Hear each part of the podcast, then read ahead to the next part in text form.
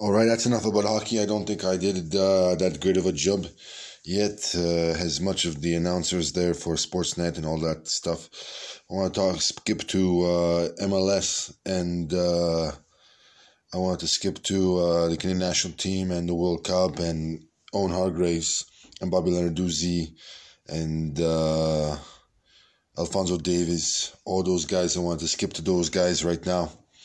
We got the World Cup coming up in about six months' time.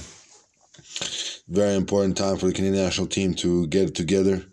Very important time for uh, all those youngsters who are trying to make it through the grassroots levels to the national team. It's a very tough time right now. As you can see, Canada is qualifying for the 2022 World Cup in Qatar. What a phenomenal moment. Haven't seen anything greater than that uh, a team that has a lot of uh, fighting power right now, rising to the rankings from 70th to the to about the 30th ranking in the world. It's very important to see Canada qualifying for the World Cup 2022.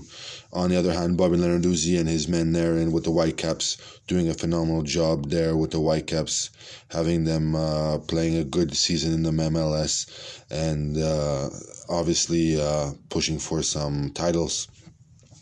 In regards to uh, what's happening right now with Alfonso Davies, Alfonso Davies is uh, kind of taking it easy right now, preparing mentally for the World Cup, coming in strong.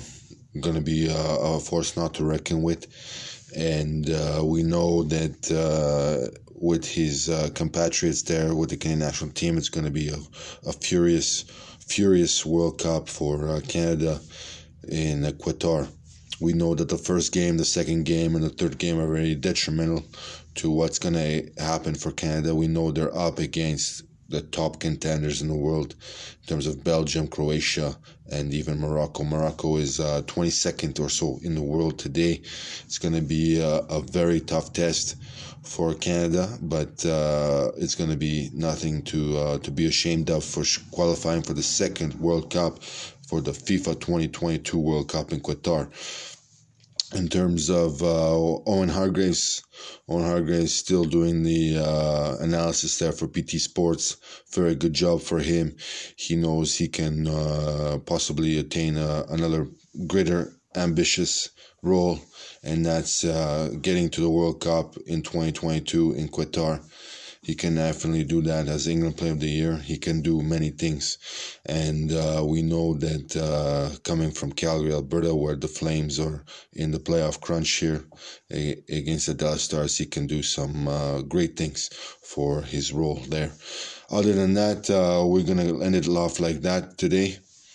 That's all we have to say. That uh, it's gonna be a very, very exciting time the next six, seven months very exciting to see what's going to happen in terms of NHL, in terms of hockey, in terms of soccer, in terms of World Cup soccer.